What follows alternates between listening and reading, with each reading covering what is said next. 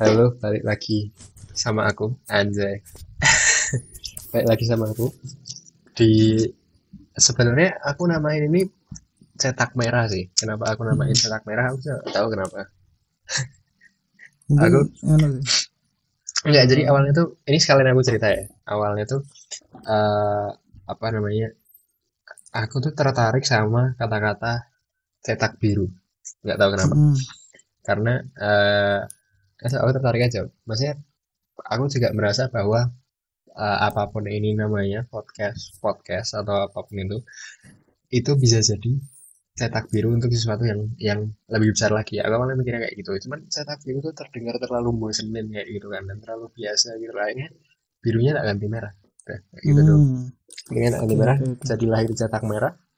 Terus di deskripsinya aku tulisin cetak merah tuh kayak cetak biru tapi merah udah gitu Hmm, nah, gitu nah jadi begitu kita kembali lagi di cetak merah kali ini bersama bisa ngenalin diri dulu mungkin mas oke. Iya Eh, kenalin teman-teman. Nama aku Irhami Aladabi, biasa dipanggil Abi atau Hmm. Adabi juga boleh. Eh, Hmm. aku sekarang kuliah di eh, Teknik Metalurgi UPN Veteran Jogja, kayak gitu. Terus itu sih, terus udah. oke kita kita kenal satu sama lain dari mana sih? Eh, kita kebetulan itu satu, satu alma mater SMA di Wih, SMA mantap. 3 Jogja, mantap. Oke. Keren keren. Terus kita lulus kita lulus tahun lalu ya? Mm, lulus tahun 2019. Kita lulus aku sama Abi lulus tahun 2019 kita sekarang semester 2 kuliah. Harusnya semester 2 tapi nggak tahu malah dirumahkan nih Ya, Eh, terus Abi ini sekarang kuliahnya di UPN Metalurgi. Mm. dan kamu milih di sana ya nggak sih Ben? Iya, emang kemarin apa eh, waktu SBM kan itu kan eh, aku bisa bilang alhamdulillah aku dapat nilai yang itu tuh gimana ya? Di bawah nek dulu tuh setauku di LTMPT itu eh, dibagi jadi beberapa apa ya? beberapa golongan. Jadi nilai tinggi, nilai tengah sama nilai bawah. Nah, aku tuh termasuknya di nilai tengah yang itu tuh dikit lagi ke nilai atas gitu loh, nilai tinggi. Nah, terus pada saat Nah, itu tapi kamu milih buat UPN Metalurgi. Ini menarik nih. Kenapa? Kenapa coba? Kenapa? Kenapa UPN? Kenapa Metalurgi? Padahal waktu itu kalau setahu kamu bisa di UGM, mungkin kalau aku nggak tahu ITB kamu bisa apa enggak ya. Cuman UPN itu pilihan yang cukup menarik buat kayak tadi kamu bilang orang yang eh, nilainya levelnya di kamu. Nah, itu ada Hmm. alasan apa sih kok milih UPN? Ya, yang pertama tuh eh, karena ini sih, aku kan awalnya kan emang suka hal-hal yang kebumian kayak gitu, terutama eh, hal-hal yang berbau tambang. Dulu tuh juga pengen masuk ke geologi karena dia itu eh, apa ya? Aku juga ngarahnya nanti ke geologi energi gitu, nanti ambilnya ke pertambangan. Jadi emang dari awal tuh pilihanku itu yang pertama itu geologi, terus yang kedua itu emang metalurgi kayak gitu. Nah, terus yang pilihan metalurgi ini aku bener-bener belum kepikiran buat cari kampusnya. Nah, terus sering berjalannya waktu aku udah mantep banget nih ke geologi dan aku udah dapat nilai segitu. Aku yakin bakal masuk. Nah, terus eh malah sekitar hamin dua minggu gitu ya, aku bingung milih apa ya? Milih antara dua Amin itu dua minggu. Hamin dua minggu masuk nilai. Oke. Nah, itu akhirnya aku tanya ke alumni SMA 3 yang angkatan eh, 70 kayak gitu. Nah, itu tanya ke apa ya? Beliau. Nah, terus apa ya? Saran dari beliau itu eh gimana ya? Bikin aku mikir tapi ada clue-nya gitu loh. Jadi, pada saat itu aku mikirnya lebih ke prospek sih. Kayak gitu. Jadi aku mem- memandang bahwa eh, metalurgi itu em, juga masuk ke passionku, juga masuk ke hal-hal yang aku senengin, tapi eh, dia itu prospeknya di Indonesia itu lebih luas menurut gue gitu. Karena apa? Karena eh, dia itu apa ya em, kampus yang ada pelajaran metalurgi itu tuh kalau nggak salah baru ada tujuh di Indonesia kayak gitu. Hmm. nah terus pada saat itu aku nggak memilih ITS juga karena dia itu beda fokus. Nah pada saat itu aku eh, apa ya mandangnya cuma dua sih antara ITB atau UPN pada pada akhirnya kayak gitu. Benar-benar udah ngeliminasi geologi dulu karena apa ya kayak menurutku di, di pikiranku tuh wah kayaknya aku mantep banget deh di metalurgi kayak gitu di dua minggu terakhir itu. Terus em, masuk ke sana kan maksudnya aku aku udah mantep banget. Terus akhirnya bingung nih milih kampus. Nah milih kampus. Awalnya tuh cari yang fokusnya ke pertambangan. Nah fokus yang ke pertambangan tuh eh, cuman dua nih apa ya yang ada di yang ada di op- opsiku ya antara FIB sama UPN kalau ITS sama UI itu nanti dia fokusnya ke metalurgi fisik. Nanti dia lebih ke apa ya perindustrian kayak gitu kak. Metalurgi yang tempatku sama ITB itu tuh lebih ke ekstraksi kayak gitu. Nah terus aku akhirnya ambil ke metalurgi UPN nah kenapa kok ke UPN sebenarnya ini sih eh, ada satu alasan. Jadi aku tuh emang nggak boleh rantau kayak gitu. Hmm. kayak gitu. Nah terus emang pada awalnya tuh sebenarnya eh, apa ya hal yang paling berat ketika aku milih UPN itu adalah menghilangkan gengsi kayak gitu itu benar hal yang satu hal yang apa ya eh, sangat menantang loh dan menurutku aku berhasil untuk melewati itu Hmm.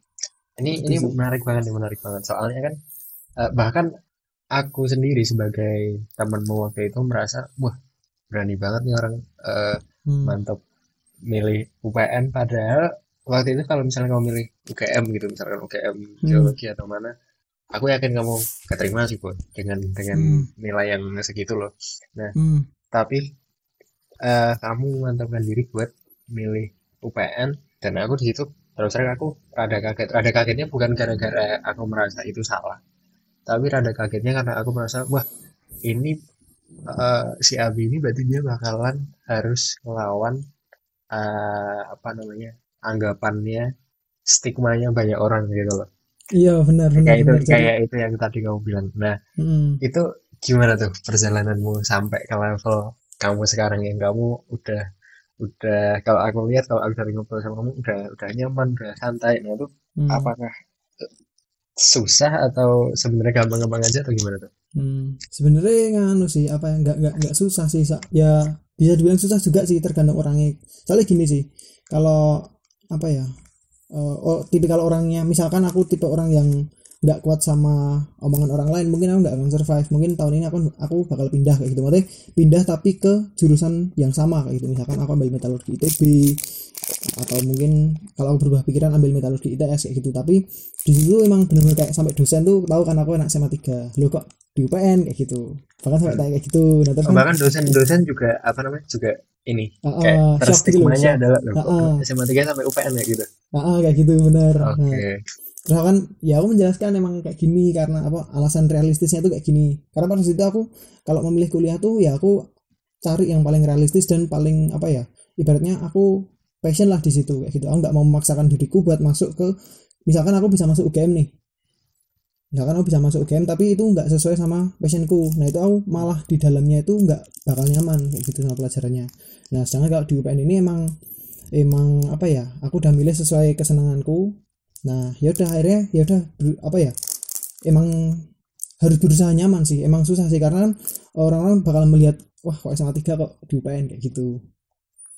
Oke. Gitu sih. Ber- berarti eh, ini ya kesimpulannya adalah sebenarnya sah-sah aja ya maksudnya tidak ada eh, anggapan-anggapan yang negatif anggapan-anggapan sentimental kayak gitu emang ini ya udah waktunya hilang kayak gitu ya. Iya harusnya harusnya kayak gitu sih. Cuman ya susah juga sih. Soalnya kan ibaratnya UPN tuh bukan apa ya bukan kampus yang bagus juga sebenarnya. Maksudnya dia bagus ya ini menurutku juga ya. Dia dia dia dia bagus tuh kayak cuman terkenal di beberapa apa ya di beberapa fakultas doang kayak gitu. Oke. Gitu sih. Bukan yang kayak misalkan UGM yang emang dia udah gede namanya kayak gitu. Oke, UPN emang terus? nggak pak terus sekarang eh, ketika kamu udah berhasil ngikutin passionmu rasanya gimana tuh? Eh aku merasa berhasil sih. Soalnya apa ya berhasil dan survive itu sih poinnya. Aku berhasil dan survive untuk melawan yang pertama tuh melawan apa ya gengsiku sendiri kayak gitu Eh, karena kan ibaratnya eh, apa ya? Itu tuh gengsi yang sangat besar gitu loh. Kamu milih UPN tuh. Sedangkan kalau misalkan aku milih UGM tuh akan menjadi privilege sebenarnya. Kayak gitu. Asik bener bener bener, bener. Gitu. nah oke ngomongin soal passion. Hmm. selain metalurgi passionmu yang lain adalah berbisnis juga ya salah nggak nih? Mm-mm. benar benar Ber- benar mulai mulai bisnis kayak gitu kan. Kamu sekarang udah mulai bisnis. Kalau yang aku tahu uh, sebagai temanmu ya aku tahu kamu sekarang megang paling nggak ada dua dua hal. Dua Hmm. apa nyebutnya apa nih? Dua inisiatif dua project dua perusahaan ya Jangan perusahaan dong. oke oke. Dua UMKM gitu. di weh, dua UMKM bener bener Hmm. di di ceritain dong apa namanya? Ada ada apa dengan Abi dan bisnis nih Eh, aku cerita mulai dari mana? Jadi mungkin latar belakangku kenapa aku suka bisnis gitu ya. hmm. Jadi emang eh, aku tuh lahir di apa ya keluarga yang emang dari awal tuh berwirausaha kayak gitu. Nah dan apa ya di situ emang sejak dari kecil eh, udah udah tahu sih mau kayak gimana ya kesehariannya orang tua aku tuh kayak gimana apa ya cara cari duitnya tuh kayak gimana terus kenal sana sini diajak sana sini bahkan kayak kalau aku ke toko kain nih misalnya nah itu tuh emang sampai pegawainya tuh apa gitu loh kayak wah kamu dulu masih kecil kayak gini kayak gini gitu. Nah terus dari situ tuh aku tuh emang mungkin udah udah ke mindset ya bahwasanya wah aku harus bisa nih nerusin usaha kayak gini. Nah terus em, aku gimana ya kayak inisiatif buat menerima orderan kayak gitu. Nah jadi bisnisku tuh bergerak di bidang apa ya ibaratnya merchandise kayak gitu. Hmm. Hmm, jadi tak tapi eh, banyak orang yang nyebutnya tuh konveksi kayak gitu. Cuman baju doang sebenarnya enggak kayak gitu loh. Hmm, terus eh sejak mulai SMP itu tuh aku mulai apa ya kayak coba-coba nih cari-cari kayak gitu. Tapi oh dari aku, SMP ya? Hmm, dari SMP kelas 2 apa ya? Kelas 2 kelas 2 kelas 2 SMP aku mulai cari-cari. Habis itu keterusan sampai SMA nah SMA tuh em, apa ya? Ibaratnya pa- pas itu tuh aku tuh eh, yang project yang pertama itu tuh namanya nganu banget sih. Apa? Eh, nama jadul banget sih. Dan sampai sekarang belum aku ubah. Nah itu Abi Corner kayak gitu. Hmm. nah itu tuh em, nama yang ada sejak di kartu nama pertamaku kayak gitu loh. Jadi Oke. kartu nama pertamaku itu tulisannya itu Abi Corner kayak gitu. Nah itu aku gunakan sampai sekarang kayak gitu. Nah walaupun sebenarnya orang mungkin orang-orang yang apa ya generasi kayak kita itu tuh memandang nama itu tuh mungkin aneh kayak gitu loh Hmm. ya sih kayak itu tuh kayak nama yang yang apa ya kayak ibaratnya usaha yang udah lama banget loh namanya kayak gitu Ya, sebenarnya tergantung sih kalau aku mah santai aja. Mungkin, mu- tapi Hmm. mungkin iya ya, mungkin iya ya, mungkin anggapan di masyarakat kayak gitu. Nah, Hmm. terus tadi kamu cerita dari kelas 2 SMP sampai sekarang kamu semester 2 eh, kuliah. Hmm, Nah, itu hmm. gimana tuh? Per- perjalanannya seperti apa tuh? Apakah teman-temanmu yang tahu tuh terus tanggapannya mereka kayak gimana? Apakah mereka sportif atau kayak ih, ih, apa nih? Abi ini apa? Nggak jelas banget. Hmm, soalnya gitu. nah misalnya kayak gitu atau gimana gimana?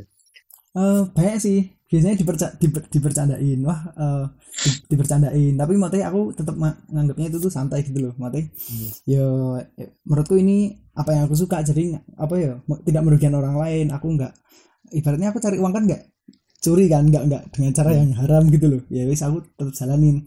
Nah masa perjalanan tuh banyak sih matanya banyak hal-hal yang apa ya menempa mental juga misalkan dapat komplain. Itu tuh hal yang paling apa ya hal yang paling berat sih sebenarnya. Tapi yo mau mau gimana pun yang namanya apa ya produsen tuh nggak akan lepas dari hal seperti itu. Nah sedangkan itu tuh bisa jadi bisa jadi pelajaran juga. Eh terus apa ya soalnya nek nek eh, aku tuh gini sih eh, jalanin bis- bisnis ini tuh eh, juga buat belajar gitu. Jadi aku tuh ya wes aku jalanin. Tapi ya ya bukan se- sedapatnya sih. Tapi kayak aku tetap harus fokus sama akademiku itu. Jadi kayak banyak waktu yang aku bagi. Banyak Hmm. apa ya kegiatan yang harus aku bagi juga. Misalkan aku ikut kalau dulu sama aku ikut osis terus ikut eh apa ya kayak kegiatan-kegiatan yang lain kayak event. Nah itu harus aku bagi sama aku jalanin bisnis kayak gitu itu sih yang yang susah tuh di eh, di apa ya eh, manajemen waktunya sih menurutku Hmm, ini menarik-menarik. Kamu eh, nyinggung soal manajemen waktu dan gimana eh, kamu harus ngebagi bisnis itu sama misalnya eh, belajarmu dan hal-hal lainnya. Nah, berarti ini ngomongin soal tantangannya nih, challengesnya Hmm. nih. Selain itu ada Hmm. lagi nggak? eh apa ya selain selain itu ya mungkin itu sih itu sih Mhm. itu eh, Itu yang paling general paling itu. dominan ya. Mm-mm, paling dominan itu sih Se seberat atau seenteng apa sih waktu itu? Kalau ngomongin soal manajemen waktu. kalau manajemen waktu tuh paling berat waktu SMA sih soalnya emang apa ya kalau boleh jujur aku tuh SMA tuh kan nggak belajar Hmm. kayak gitu jadi Ya, emang kita sama-sama tahu lah ya. jadi apa eh, yang yang susah itu di situ eh, Hmm. antara malah kegiatan yang osis sama event sama bisnisku ini kayak gitu Hmm. itu sih Nah, yang kamu- kalau Kamu, nah ini kamu gara-gara kamu sempat nyinggung OSIS nih. Kamu di SMA juga terlibat di kepengurusan OSIS kan? Mm-mm. Sebagai sebagai apa tuh kalau boleh tahu? sebagai aku dulu eh, jadi ketua satu sih alhamdulillah Oke, ketua satu. Aku aku dulu ini termasuk salah satu orang yang ngedukung kamu ya, Mbak. Hmm.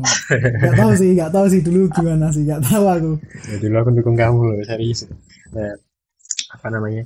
Berarti otomatis kamu di OSIS, OSISnya SMA 3 lagi kan? Yang yang itu Hmm. eh, ya kalau aku sebagai orang yang dulu pernah di sana juga wah, lumayan itu sibuknya. Nah, Hmm. sa- pernah sampai di level yang se sekacau apa sih manajemen waktumu waktu itu ketika eh, Hmm. sambil megang Abi Corner? Itu sih kalau em, sekacau apa tuh kalau masalah apa ya sama klien tetap aku kayak apa ya ya mungkin ini nggak adil sih tapi kayak aku sama klien tuh bener-bener kayak nomor satu gitu jadi kadang osisku eh, agak keteteran kayak gitu loh tapi kan maksudnya kalau di Kenapa- osis kan ada yang Kenapa gitu. kenapa menurutmu nggak adil? Eh, ya karena aku mengorbankan apa ya tanggung jawabku juga gitu loh Hmm. maksudnya eh, bukan mengorbankan ini kayak apa ya semu sih mengorbankannya karena kan Aduh, ini ini ngobrolnya udah, aku- udah mulai mulai ini mulai tinggi. Hmm, ketika Kata-kata semu segala. Ka- karena aku karena aku butuh karena aku butuh di backup kan otomatis aku harus ngomong. Ya di situ juga aku dilatih cara komunikasi juga. Gimana biar kalau kita tuh pas susah tuh kita eh, sadar ada partner kayak gitu. Ada partner di osis kayak gitu. Nah sedangkan kalau di Abi Corner itu emang aku bener-bener yang apa ya ketemu klien tuh aku yang ibaratnya yang mantau produksi itu aku kayak gitu loh jadi eh, ibaratnya susah sih un- untuk apa ya melimpahkan tugas di Abi Corner itu susah. Jadi kalau, Hmm. kalau di OSIS itu lebih gampang karena di situ ada teman-temanku gitu loh. Ada teman-temanku. Ya, ibaratnya kalau aku susah tuh mereka juga paham kayak gitu loh. Oke oke. Terus yang menarik lagi adalah nih yang yang aku pengen tahu adalah em, ada nggak sih sesuatu yang kamu dapat dari OSIS gitu misalkan yang eh, itu ngebantu atau nge-influence kamu di di bisnis di Abi Hmm. Corner dan sebaliknya yang sebenarnya orang-orang nggak tahu misalkan. Kalau aku sih paling kerasa sih di komunikasi sih, terutama ngom- ngomong sama stranger kayak gitu. Ibaratnya kan kalau klien kan bisa dibilang stranger kan kayak gitu. Nah, gimana kita apa ya? Eh gimana ya? Gimana kita apa ya? Dapat first impression yang bagus gitu loh sama klien kayak gitu. Itu hal yang paling penting sih. Entah nanti dari bajunya, entah dari eh, ngomongnya itu kayak gimana, apa ya pemilihan apa ya? Pemilihan katanya itu kayak gimana itu benar-benar aku belajarnya di OSIS karena kan di OSIS kan apa ya sedikit banyak eh berinteraksi sama stranger kan kita bilang di sini stranger kayak ya entah em, pihak sekolah kayak gitu pihak sekolah ataupun pihak-pihak yang mau ngajak kerjasama Hmm. sama OSIS kayak gitu Oke oke menarik menarik berarti ini ya apa namanya eh, kata kuncinya di komunikasi tadi ya yang kayak kamu bilang. Hmm, nah terus eh, aku mau agak tarik lagi ke belakang nih tentang eh, di bagian tadi yang kamu ceritain kamu eh, mulai. Nah kalau tadi kamu ceritain senanggapku kan itu eh, berarti ada sed- sedikit banyak ada influence dari orang tua kamu yang udah Iya. mulai duluan gitu kan ya. Hmm, Nah, eh sekarang tuh kalau menurutku ya banyak orang di luar sana yang mereka itu eh yang mereka tuh sebenarnya pengen bisnis misalkan, pengen mulai. Cuman Hmm. mereka udah bingung di mulainya duluan. hmm, iya benar benar Nah, benar benar Menurutmu tuh gimana tuh? kalau menurutku ya kalau menurutku secara pribadi yang namanya bisnis itu eh kamu jalanin setengah pun nggak apa-apa misalkan kamu pengen bisnis nih ada apa kamu pengen bisnis sedangkan kamu tuh sebenarnya kayak setengah hati gitu Eh kayak masih ragu-ragu ya itu sebenarnya kamu jalanin aja. Soalnya gini ketika itu tuh berhenti itu itu nggak apa-apa gitu loh. At least kamu dapat apa ya kayak pelajaran gitu. Dan Hmm. ketika misalkan kamu di di bisnis itu apa ya ngerasa wah aku misalkan di project kesekian kamu gagal nih. Yaitu kamu eh, melatih mentalmu juga. Karena s- apa ya uh, wirausaha itu nggak nggak bisa lepas dari hal itu gitu loh. Nggak bisa lepas dari yang namanya komplain yang namanya gagal yang namanya rugi yang namanya defisit itu nggak bisa lepas dari hal-hal yang kayak gitu. Walaupun okay. kita tuh mengusahakan hal kayak gitu tuh nggak terjadi tapi setidaknya kita tuh mulailah mulai. Walaupun nanti berhenti di tengah jalan tuh nggak apa-apa. Berarti gitu. jadi uh, gak, menurutmu buat buat mulai itu sepenting itu atau gimana? Hmm, sepenting itu karena kalau misalkan nggak dimulai kan otomatis kan ya kita itu kayak berjalan di tempat gitu loh misalkan hmm. kamu udah punya konsep yang bagus punya ide yang bagus tapi nggak kamu jalankan otomatis itu kayak ya apa ya cuman berjalan di, di tempat gitu kamu nggak nggak nggak nggak akan dapat pelajaran yang lain oke okay, berarti buat uh, uh, buat siapa pun yang dengerin uh, cetak merah episode yang ini hmm. itu kalau ada ya uh, itu berarti yang advice yang kamu kasih ke mereka adalah kalau misalkan apa uh, mereka ada yang memulai bisnis dan segala macam itu advice yang kamu kasih ke mereka pertama adalah untuk mulai. Mm -mm, jelas itu jelas banget sih untuk mulai. Karena okay. um, benar-benar mulai itu hal yang berat juga gitu loh. Jadi ketika kamu mulai itu udah apa ya satu satu satu pijakan lah kamu. Ibaratnya satu pijakan yang itu tuh berat banget kayak gitu. Dan udah kalau udah karena kalau udah mulai itu selanjutnya udah enak gitu. Oke. Okay. terus uh, ini yang mau aku tanyain lagi adalah uh, kan kamu tuh mulai ketika tadi apa kelas 2 SMP kan kamu hmm. masih di bangku sekolah tuh uh, hmm. hitungannya nah uh, kalau menurutku banyak uh, pelajar ya gitu ya entah SMP entah SMA sebenarnya mereka udah kepikiran buat bisnis cuman salah satu yang jadi pertimbangan mereka tuh soal akademiknya itu soal gimana ya manage waktu manage tenaga dan hmm. manage prioritas hmm. segala macam nah itu menurutmu kuncinya gimana tuh untuk untuk bisa apa namanya no overcome itu semua? Soalnya kalau menurutku uh, banyak tuh yang batu sandungannya yang bikin mereka hmm. akhirnya mengurungkan niat tuh di situ gitu loh. Dan uh, kamu sebagai salah satu orang yang aku tahu yang, yang berhasil melampaui itu nah menurutmu gimana tuh caranya gimana tipsnya gimana dan segala macam? Hmm, itu tergantung orangnya sih. Kalau kalau aku kan orangnya tip kalau orang yang nekat nih. Jadi uh, ketika salah satu harus aku korbankan itu tuh jadi suatu hal yang wajar karena ya balik lagi kayak life is a choice gitu loh. Kamu nggak nggak bisa kamu nggak bisa terkadang kamu nggak bisa memenangkan dua-duanya kayak gitu. Nah kamu harus milih. Kamu harus milih antara kamu harus berkorban untuk bisnismu atau kamu mengorbankan bisnis yang baru kamu mulai kayak gitu. Nah, uh, ini menarik banget tadi. Kamu menyebut kata nekat. Nah, ngomongin soal hmm. ngomongin soal nekat ini uh, mungkin yang orang lihat sekarang dari Abi dan Abi Corner dan Sofri ya yang yang belum kamu hmm. ceritain ya. Nah, itu uh, apa namanya? Uh, mungkin yang kelihatan tuh cuman bagus-bagusnya doang kayak gitu udah hmm, hmm. udah jadi dan udah udah si Abi udah profit segala macam gitu misalkan yeah. nah iya, iya. dengan kenekatan yang tadi kamu bawa pernah gagal gak sih atau pernah Wah. ada masalah problem apa gitu misalkan yang orang-orang tuh nggak ada yang tahu misalkan hmm.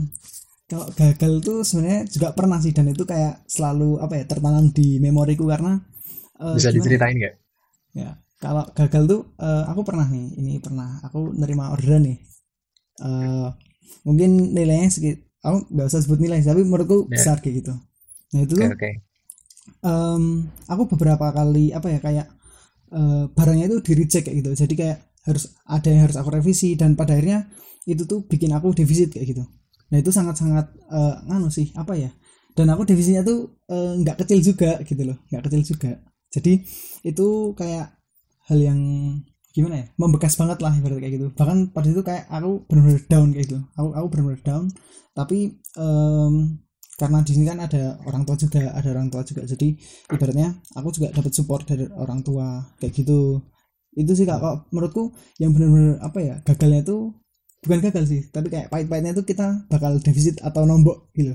Jadi gimana ya kan orang orang orang order kan udah mempercayakan nih. Nah otomatis mau nggak mau apa pun yang terjadi tuh uh, ketika emang udah mentok nih barang tuh harus di gimana ya harus di harus harus reject barangnya. Barangnya harus reject ya mau nggak mau kita harus reject tuh harus harus produksi ulang kayak gitu loh. Oke. Okay. nah di di momen itu pernah kalau tadi kamu bilang down downnya sampai seberapa tuh? Sampai mikir buat berhenti nggak waktu itu? Kalau mikir buat berhenti enggak sih jujur aja. Hmm. tapi sedih ya. Jadi gimana ya? Eh pernah sih aku kepikiran eh, mau berhenti karena eh gimana ya aku pernah kepikiran untuk berhenti juga. Jadi eh, karena kasus yang sama karena kasus yang sama itu tuh mungkin karena aku juga waktu itu capek juga. Jadi karena eh, kondisiku aku capek terus eh, apa ya dari usahaku ini malah defisit kayak gitu. Ya aku otomatis wah kayak aku berhenti aja deh kayak gitu. Wah kayak aku berhenti weh. tapi aku tuh selalu kayak gitu selalu di apa ya di setiap momen tuh terkadang aku kayak gitu gitu loh. Misalkan Hmm. aku eh, gagal misalkan aku ada yang pahit nih. Nah aku tuh mesti kepikiran wah berhenti aja pak ya. Tapi itu sampai sejauh ini aku belum berhenti kayak gitu loh. Sampai sejauh ini aku belum eh, berhenti. menarik nih alasanmu untuk nggak berhenti tadi apaan tuh? Maksudnya sebenarnya eh, yang belum aku tanyain ke kamu adalah goal besar apa sih yang pengen kamu achieve dari berbisnis? Apakah itu profit yang besar? Misalkan apa? Financial security security gitu Hmm. misalkan atau Hmm. Atau ada ada misi-misi apa nih Hmm. yang, kamu Nah. punya yang memotivasi kamu untuk mulai berbisnis? Kalau boleh jujur tuh eh kalau boleh jujur ya emang dari kecil tuh kenapa bahkan dulu tuh aku waktu apa ya aku tuh TK tuh telat. Aku tuh TK tuh telat karena aku tuh eh, selalu bilang bahwa aku nggak mau sekolah karena apa ya ibaratnya aku bikin kaos tahu dapat uang kayak gitu loh. Aku nggak perlu sekolah aku bilang kayak gitu. Nah terus eh, aku tuh melihat bahwa yang namanya apa ya UMKM itu tuh membantu perekonomian sekitar juga. Jadi di lingkunganku itu tuh banyak orang-orang yang ibaratnya kerjanya itu serabutan kayak gitu. Mungkin eh, siangnya dia apa ya eh, apa ya dia nukang di suatu bangunan gitu. Dia dia dia dia bangun di sana. Nah terus eh, sorenya ke tempatku kayak gitu. Jadi eh, menurut aku tuh lebih apa ya goalsku tuh membuka lapangan kerja gitu loh. Ya walaupun apa ya aku nggak nggak bisa berekspektasi bakal banyak banget kayak gitu. Tapi menurutku tuh kayak eh, eh, 10 sampai 20 orang tuh menurutku udah achievement buat aku ya gitu loh. Hmm, Gitu sih. jadi yang yang ada di pendakmu yang jadi salah satu concernmu adalah soal apa ya kalau mungkin kalau bisa aku bilang pemberdayaan masyarakat kali ya. Hmm, hmm, hmm, kamu hmm. berusaha untuk achieve itu gitu kan. Hmm, nah sejauh ini gimana tuh? Maksudnya so far eh, sampai di level apa? Apakah kamu karyawanmu eh, apa namanya kamu udah merasa berhasil buat ngebantu orang-orang di sekitarmu dan segala macam gimana? Eh, so far sih eh, aku merasa gimana ya? Merasa itu ber- itu berhasil itu itu tercapai tapi eh, belum maksimal gitu. Jadi mungkin karena apa ya fokusku sekarang masih kebagi. Jadi aku belum apa ya ibaratnya aku bisa bilang belum maksimal tuh karena mungkin terpatok pada jumlah sih. Jumlahnya itu nggak banyak gitu loh. Kayak gitu. Hmm. jadi eh, aku memandang bahwa wah kayak ma- masih masih kurang nih aku dalam eh, apa ya memberdayakan orang-orang di sekitarku kayak gitu Kalau kalau visimu ke depannya sampai seberapa nih? Sampai ke level seberapa tuh dalam dalam apa hal pemberdayaannya itu tadi? Hmm, kalau aku sih eh, pengennya tuh emang ki- kita eh, kita nanti bisa jadi kayak apa ya? eh, mungkin PT kecil kayak gitu. loh. Jadi eh, aku punya punya bisa dibilang kayak punya pabrik gitu loh. Kalau sekarang kan Hmm. aku kan home indus- industri nih. Jadi ada ada rumah yang aku tempati tapi ada juga rumah yang buat produksi kayak gitu. Nah, aku tuh pengennya tuh eh, bayanganku ke depan tuh bisa jadi kayak pabrik gitu loh. Jadi emang benar-benar di sana tuh banyak orang gitu loh. Banyak orang yang em, apa ya? Bisa dibilang kayak kerja full time di sana kayak gitu. Yang emang punya pekerjaan tetap di tempatku kayak gitu. Ada ada target nggak tuh kira-kira tercapai tahun berapa gitu misalkan? Eh, ada sih. aja. eh.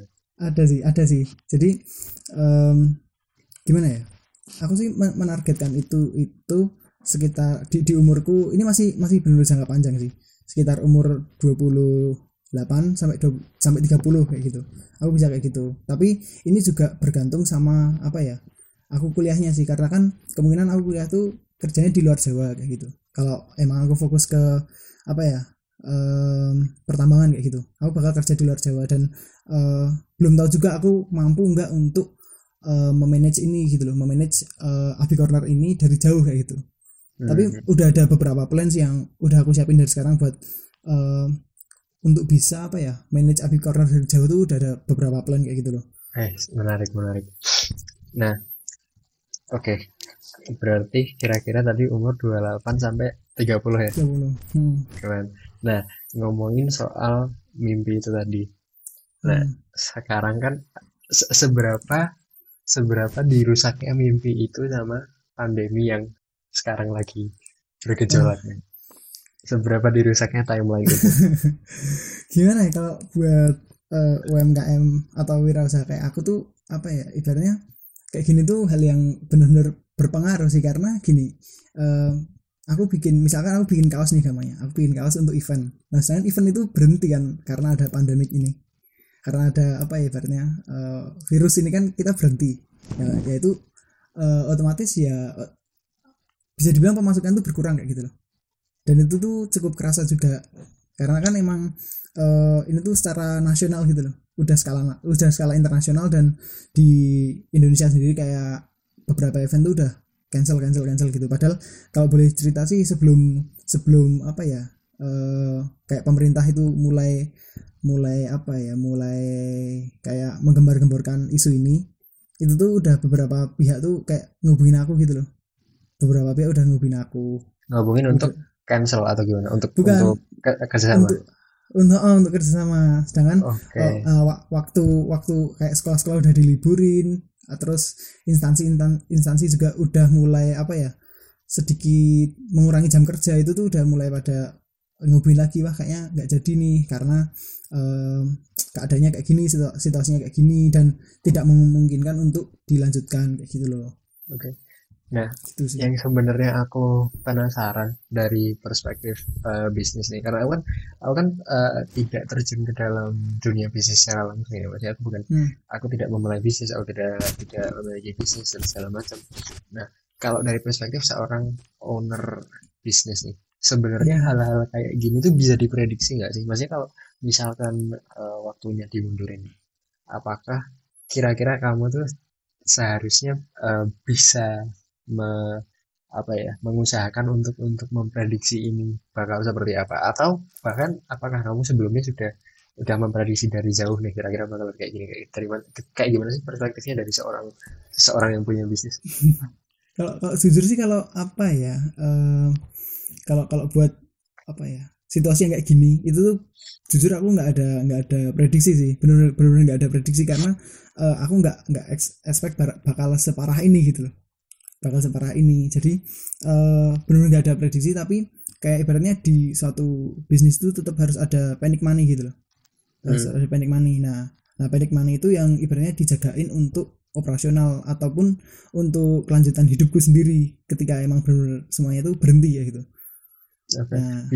Aku penasaran banget ya bisa diceritain nggak dari awal kayak kira-kira misalnya dari dari sekitaran bulan Februari mungkin apakah kamu udah mendengar desas-desus tentang itu dan dan eh, reaksimu seperti apa atau mungkin ada langkah-langkah yang salah kamu Hmm. ambil. Misalkan ya aku nggak tahu nih.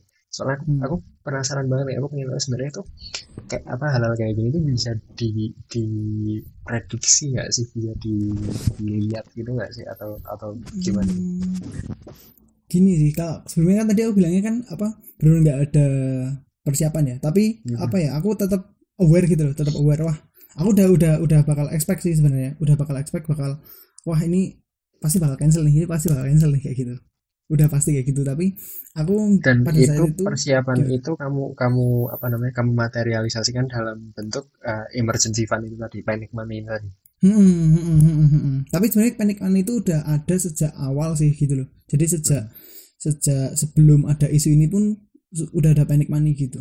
Jadi panic money itu kayak ibaratnya tabungan lah mungkin gampangannya. Ya bukan tabungan juga tapi kayak ibaratnya itu kayak uang yang stay gitu loh, uang yang nggak bergerak kayak gitu. oke terus kamu menyisihkan sekian dari profitmu kayak gitu misalkan untuk Hmm, hmm. untuk sebagai eh, emergency fund atau panic money tadi ya Hmm, hmm, hmm, hmm, hmm, hmm. oke Kayak gitu sih. nah terus sekarang kalau boleh tahu nih kondisinya di Api Corner seperti apa kondisi dalam artian mungkin tadi udah sempat kamu singgung dikit ya produksinya terus karyawannya sebagainya Hmm. gitu. Apakah terkait- masih aman atau enggak Oh. misalkan? Eh kalau kemarin kan eh, aku juga sempat apa sih sempat taktik gitu sempat khawatir. Karena wah apa nggak akan memenuhi target juga menurutku ya gitu. Menurutku akan susah buat memenuhi target. Nah tapi ya, mungkin apa ya uh, ya ini faktor mungkin faktor yang di atas juga sih. Aku dikasih rezeki mote untuk bulan ini alhamdulillah masih kayak oh masih masih target kok kayak gitu. Terus untuk bulan depan uh, ya alhamdulillah banget sih baru kayak apa ya hari ini banget sih aku kayak baru dapat apa ya oh bulan depan aman gitu. Ada kabar bahwa oh bulan depan aman kayak gitu. Oh, baru ini kabarnya baru hari ini tadi mm, baru hari ini banget dan itu kayak wah kayak gitu. Jadi kayak gimana rasanya gimana tuh seneng, gitu. seneng banget? Ya ya seneng sih soalnya uh, aku udah hopeless sih karena kan emang di situasi kayak gini udah kita udah sampai ke level hopeless atau gimana? Mm, mm, hopeless karena wah kayaknya bulan depan nggak bakal memenuhi target deh kayak gitu loh. Atau bahkan tidak ada pemasukan sama sekali kayak gitu loh. Itu hmm. apa ya worst case nya gitu worst case nya kayak gitu.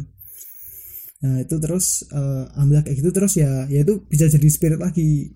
Walaupun walaupun apa ya kayak kita nggak tahu nih uh, bulan depannya lagi apakah aman apa enggak itu kayak masih jadi misteri kayak gitu tapi yang, nah. yang penting kalau di situasi kayak gini uh, ketika emang bener-bener worst case-nya itu kita nggak bisa jalan nggak bisa ada pemasukan ya ya gimana cara kita mempertahankan apa ya hidup kita kita sih kayak ibaratnya kita buat kayak makan buat keseharian ya, di bener. rumah kayak gitu sih paham paham paham uh, ini ngomongin soal tadi kamu sempat nyinggung bulan depannya lagi nah hmm. kamu ini gak sih ng ngikutin nggak sih maksudnya kayak uh, apakah kamu meriset mencari tahu ini kira-kira uh, kondisinya bakal seperti ini selama seberapa lama lagi? Apakah hmm. kamu udah udah mikirin itu atau belum nih udah udah udah mikirin sih udah mikirin sih. Dan dari dari yang kamu temukan dari yang kamu dapetin hmm. seperti apa tuh? Gimana tuh oh, apa ya? Um, jadi gini sih kalau kemarin aku lihat ya ini aku berdasarkan riset juga ya aku lihat risetnya yang dari apa dari ITB itu tuh kak, ada beberapa skenario nih. Jadi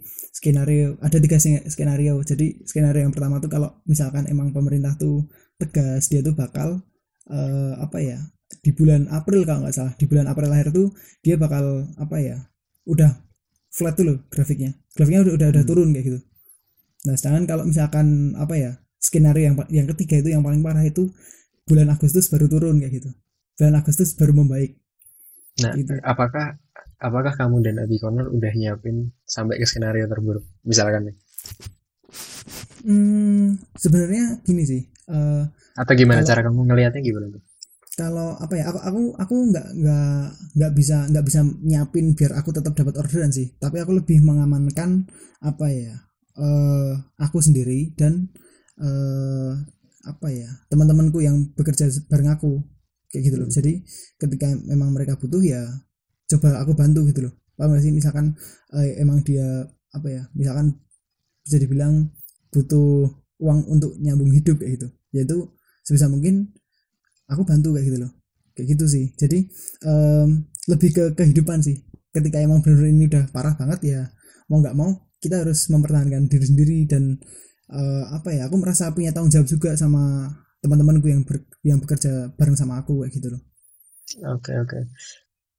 um, terus dari perspektifmu apa namanya ini ini apa seberapa parah sih atau seberapa mengagetkan sih di dunia dunia duniamu secara umum maksudnya dunia bisnis secara umum nih maksudnya kalau kamu hmm. mungkin tahu di di di industrimu gitu misalkan atau atau kompetitor kompetitormu misalkan kalau ada ya. hmm. ya nah hmm. itu seperti seperti apa tuh kondisinya se, se segila apa sih kondisi saat ini tuh apa ya kalau setahu dari teman-teman yang yang juga apa ya jalanin usaha kayak gini uh, itu tuh uh, juga sama sih. Pemasukan tetap turun gitu. Ya maksudnya uh, pemasukan tuh turun karena ya emang gimana ya?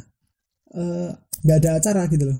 Orang kita tuh nggak ada ibaratnya uh, kita tuh nggak nggak ada kegiatan yang nggak ada kegiatan yang membutuhkan jasa kita gitu loh.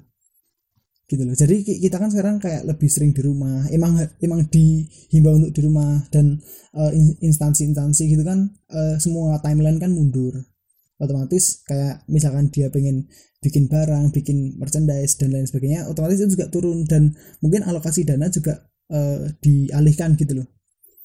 Nah jadi emang semua itu uh, berpengaruh sih menurutku. Karena ibaratnya uh, apa ya aktivitas ekonominya tuh nggak ada gitu loh. Hampir nggak ada aktivitas ekonominya. Kecuali okay. kayak orang yang jualan makanan gitu kecuali orang jualan makanan dia kan dibutuhin orang terus kan hmm. nah sedangkan akan jual apa ya uh, bukan bergerak di bidang itu gitu Oke oke. Terus eh, berarti dengan kondisi yang kayak gitu tuh tadi, kayak kondisi yang Hmm. kamu sebutin tuh tadi, eh, dari kamu pribadi, tanggapanmu gimana nih maksudnya? Apakah itu jadi pemantik buat kamu, jadi apa ya tantangan buat kamu untuk gimana caranya kamu bisa nge-overcome ini sampai misalkan pahit-pahitnya Agustus tadi atau gimana tuh? Se- seperti apa eh, kondisi saat ini kejadian ini tuh me- me- merubah atau mungkin malah mendewasakan pola pikirnya seorang Abi. iya sih kak. Menurutku eh, gimana ya? Yang mungkin alokasi dana untuk panic attack tuh harus digedein lagi sih karena kita kan nggak tahu nih apa ya. Nggak tahu nih kejadian apa yang akan terjadi berikutnya. Maksudnya yang secara global kayak itu atau mungkin yang secara nasional aja. Yang itu tuh bisa berpengaruh eh, di apa ya di keberlangsungan usahaku gitu loh. Di keberlangsungan usaha itu tuh kita nggak nggak nggak nggak ada yang tahu gitu. Sedangkan em, apa ya kalau misalkan itu itu tantangan bener sih itu tantangan. Tapi em, yang yang yang paling penting menurutku eh, gimana kita tuh aware gitu loh. Tetap aware sama apa pun yang bahkan eh, nggak ada di pikiran kita. Jadi kayak kita itu tadi sih kalau menurutku lebih ke kalau apa ya em, bentuk materialnya tetap panik money itu sih kayak gitu. Oke, karena kan eh, kalau UMKM itu lebih apa ya bergantung sama orang lain juga kan. Hmm, kayak gitu. Oke. Keren-keren. Nah, terus aku tarik lagi ke gambaran besarnya nih. Em, bisnis itu sendiri, eh, si Abi Corner ini hal yang kamu rintis dari dari eh, SMP kelas 12 yang tetap kamu lanjutin despite misalkan banyak yang bercandain, tetap Hmm. kamu lanjutin di tengah apa sulitnya ngatur eh, manajemen waktu, tenaga, prioritas dan segala macam kayak tadi kamu ceritain waktu SMA, bahkan mungkin sampai ke sekarang waktu kuliah. Nah, Hmm. si bisnis ini eh, aku nggak ngomongin Abi Cornernya secara secara khusus ya, tapi kayak eh, semangatmu untuk berbisnis itu secara umum tuh buatmu artinya apa sih buat buat seorang Abi? menurutku ini tuh nganu sih lebih ke gimana ya melatih aku untuk survive di kehidupan yang bakal lebih keras gitu loh. Hmm. Kayak gimana Gitu. tuh maksudnya? Bisa di bisa Jadi- dijelasin lagi? jadi gini sih kalau yang ada di pikiranku dari dulu tuh eh, apa ya? Ketika misalkan ada satu momen yang bikin Abi Corner itu berhenti ya udah berhenti nggak apa-apa. Tapi at least aku tuh udah punya modal untuk oh memulai itu ada satu yang gampang untuk aku gitu loh. Mulai itu udah satu yang gampang gitu. Aku udah udah punya apa ya ibaratnya kayak tips and triknya gitu loh. Udah buat buat mulai misalkan dari apa ya pengalaman yang yang mungkin ya bisa dibilang aku tuh eh, nggak expert banget sih. Bisa dibilang aku tuh nggak expert banget karena kan gimana ya ada di luar sana yang lebih jago daripada aku juga. Nah tapi at least aku tuh eh, gimana ya akan lebih siap gitu loh ketika dihadapkan oleh situasi yang lebih sulit kayak gitu. Ketika misalkan aku udah lulus kuliah nih terus aku mungkin eh, keterima kerja baru baru apa ya satu tahun ataupun satu setengah tahun ataupun eh, setengah tahun lah aku baru dapat kerjanya itu di waktu itu tuh aku nggak nggak nggak akan jadi orang yang bisa dibilang kayak useless gitu loh aku bisa melakukan sesuatu yang itu tuh tetap menghasilkan dan itu tuh apa ya bermanfaat buat orang-orang sekitarku kayak gitu Oke oke. Kalau yang aku tangkap nih, yang aku tangkap dari yang kamu omongin barusan tuh kayak eh, ini koreksi kalau salah ya. Jadi kayak eh, semacam apa ya? Gimana kita itu kalau misalkan kita tuh punya keinginan, punya kemauan harus dikejar kayak gitu, harus diwujudin kayak gitu, bener nggak? Nah, Iya, benar. menurutmu menurutmu untuk orang-orang di luar sana, terutama anak-anak muda mungkin yang seumuran kita, seberapa penting sih untuk ngelakuin itu? Eh, gimana ya nggak nggak harus Eh, dalam berbisnis ya mungkin ya maksudnya dalam Hmm. hal eh, ya ngapain nggak misalnya soal itu pilihan karir misalnya tadi kayak Hmm. disambungin ke awal tentang keputusanmu untuk milih metalurgi UPN tentang Hmm. bisnis juga gimana mau mulai atau mungkin tentang hal-hal lainnya deh seberapa penting sih untuk Hmm. untuk ngikutin kata hati itu tadi Eh, menurutku penting banget sih soalnya gini sih eh, dengan dengan kita bisa kayak gitu dengan kita bisa apa ya berusaha untuk buat ngejar itu tuh kita apa ya ibaratnya udah mematahkan semua semua stigma gitu bahwa ini tuh susah ini tuh apa ya ibaratnya harus ada step yang banyak kayak gitu tapi kita tuh ibaratnya eh, apa ya berlomba-lomba untuk memenangkan sesuatu gitu loh. Kita bakal dapat sesuatu nih untuk apa ya? Apa ya? Ibaratnya um, usaha tuh nggak nggak akan nggak akan sia-sia gitu loh. Walaupun itu gagal walaupun itu gagal tuh nggak akan sia-sia juga. Karena di situ kan kita dapat pelajaran nih rasanya gagal kayak gimana. Nah itu tuh penting juga. Kayak gitu. Nah terus uh, di samping itu kita tuh juga belajar untuk apa ya? Ibaratnya ini kalau kita ngomongin ketika udah dewasa ya jadi orang dewasa tuh penting banget jadi orang yang realistis kayak itu semua semua itu harus dipandang secara realistis dan kita tuh nggak bisa lepas dari yang namanya materialis gitu loh. Kita nggak bisa di apa kita nggak bisa lepas dari apa ya kayak uang finansial kayak gitu kayak gitu. Dan itu tuh satu hal yang sangat apa ya uh, menyokong kehidupan kita gitu. Jadi misalkan uh, dari sekarang nggak dibiasain nggak nggak dibiasain untuk mengejar sesuatu itu ke ke depannya bakal mungkin kita bakal bergantung sama orang lain kayak gitu loh. Jadi um, gimana caranya biar kita bisa survive?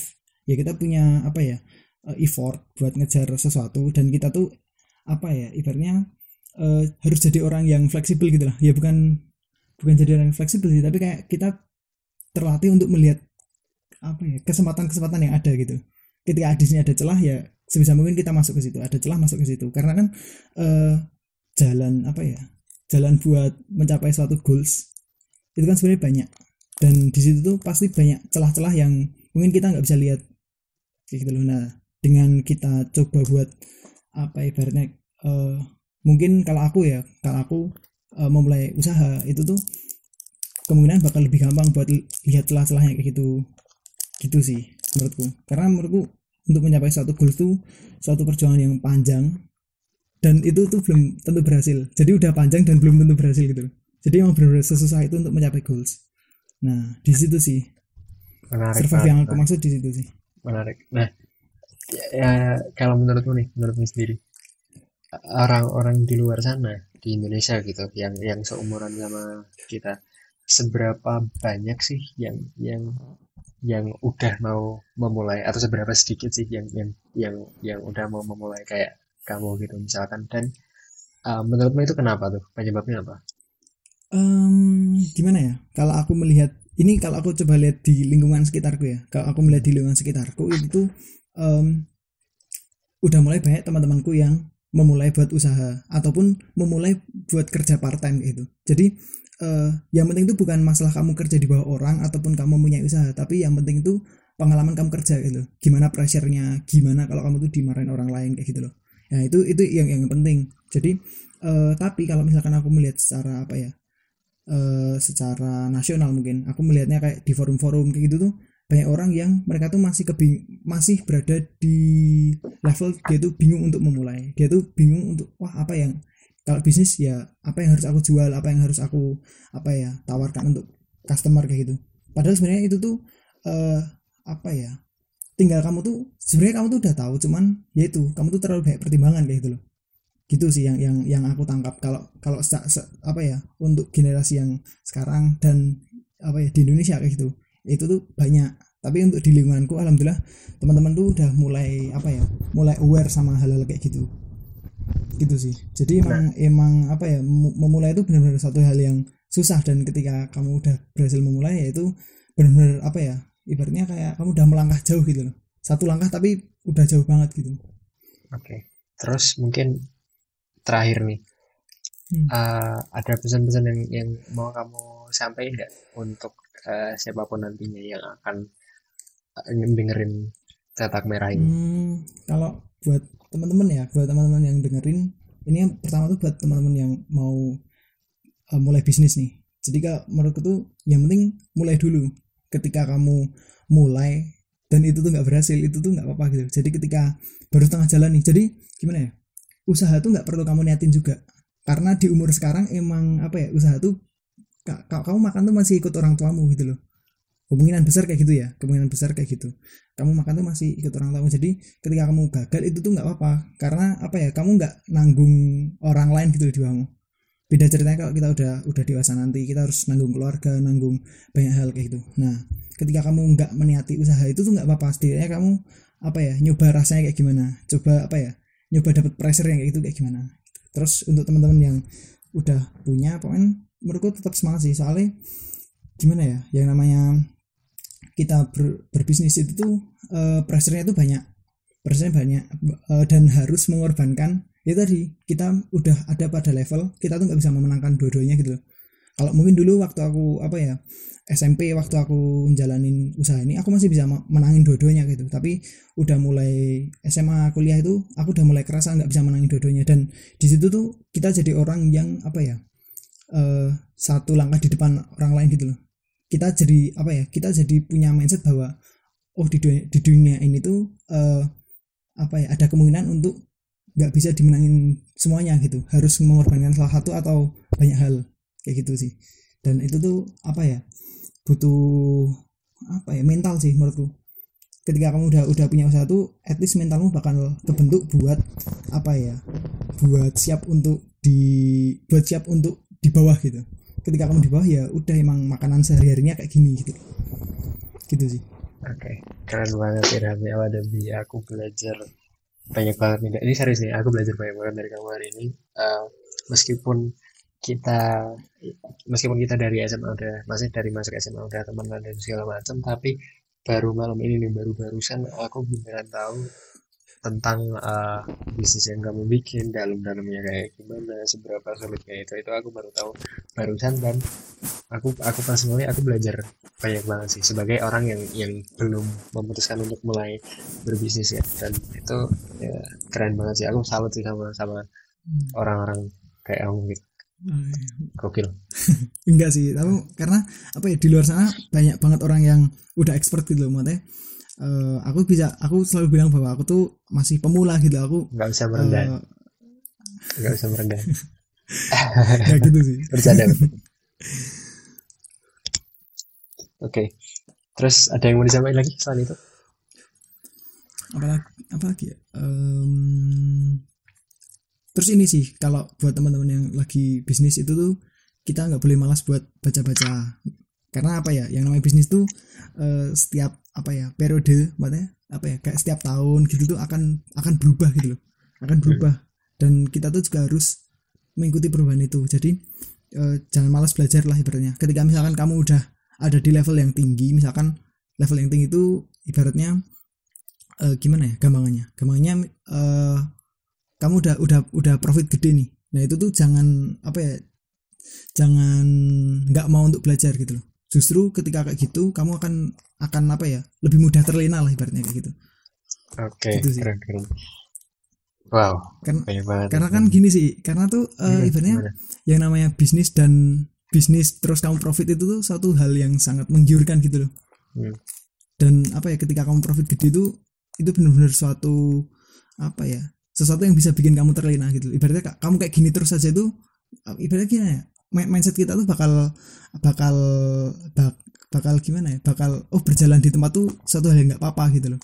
Padahal sebenarnya itu tuh kayak apa ya silent but deadly gitu loh. Kamu bakal yeah. kamu bakal apa ya uh, terbunuh oleh itu gitu loh. Kamu bakal kalah sama orang lain kayak gitu. Oke okay. keren banget. Nah ini nggak kerasa kita ngobrol udah hampir sejam hmm.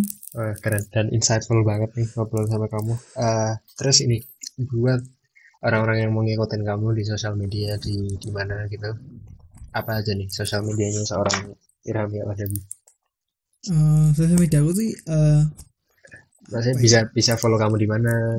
Oh ya teman-teman bisa follow aku di kalau di Instagram ya kalau di Instagram uh, al.adabi a d a b y pakai i ya gitu mantap oke okay. gitu thank you so much Mas Adabi sangat sangat okay. insightful dan semoga yang disampaikan Mas Adabi di sini bisa ngebantu ya siapa pun lah ini yang nantinya memutuskan untuk mendengarkan hmm. ini. Hmm. Oke, okay, thank you so much. Gimana? Mau ditambahin? Apa ya? Mungkin aku mau cerita tentang Sofri sih sebenarnya. Oh iya, boleh boleh gimana? Jadi, jadi selain. Abi Corner ini, ini malah belum eh, belum sempat aku singgung sih tadi. Selain hmm. Abi Corner, uh, Adobe juga punya Sofri ya. Hmm, hmm, hmm. Nah mungkin diceritain singkat aja nih. Apa tuh Sofri? Uh, uh, kalau kalau Sofri sendiri tuh sebenarnya itu tuh apa ya itu ladang aku buat belajar kayak gitu loh jadi uh, ketika aku tuh apa ya uh, melihat bahwa oh orang-orang tuh ada yang bentuknya tuh kayak dia tuh ngejual desain gitu loh dia ngejual lebih ke ngejual desain sama konsep nah aku belajar buat uh, bikin so free sama temanku gitu. Itu emang benar-benar belajar dan bisa dibilang itu tuh kayak non profit gitu. Jadi ketika gini sih ketika orang lain tuh jual baju distro itu 80 sampai 120 mungkin. Nah itu tuh aku tuh jual itu tuh di harga 60 ribu gitu loh. Karena emang Wow. itu tuh bener-bener bener satu sesuatu yang kita apa ya kita yakini kita tuh belajar gitu loh. Gitu sih dan Oke. dan apa ya itu tuh ap- apa ya buatku hal yang baru juga gitu loh Oke gitu oke. sih. Nah, itu orang-orang yang mau ngikutin So Free dan Abi Corner juga tuh bisa nge-follow di mana kalau ada. kalau kalau Sofri bisa follow di Sofri s o f r e e dot id itu Oke, di, mantap. situ, di Instagram di Instagram di al.adabi sama di sofri.id ya. iya Oke, iya benar-benar mantap. Thank you so much Mas Abi. Oke, banget sama-sama. Semoga bisa ngebantu. Dan mungkin makasih nggak tahu nih, uh, semoga kita bisa bertemu lagi entah di dunia nyata ataupun uh, Hmm, siapa amin tahu amin amin besok kembali lagi ke kotak merah tahu. Nah, iya betul betul betul oke. Thank you so much. Oke, Adabi. makasih, makasih, makasih juga Ai udah dikasih kesempatan buat ngomong di sini. Allah Allah. gitu. Selamat tidur, selamat malam. Dadah. Oke, oke, dadah.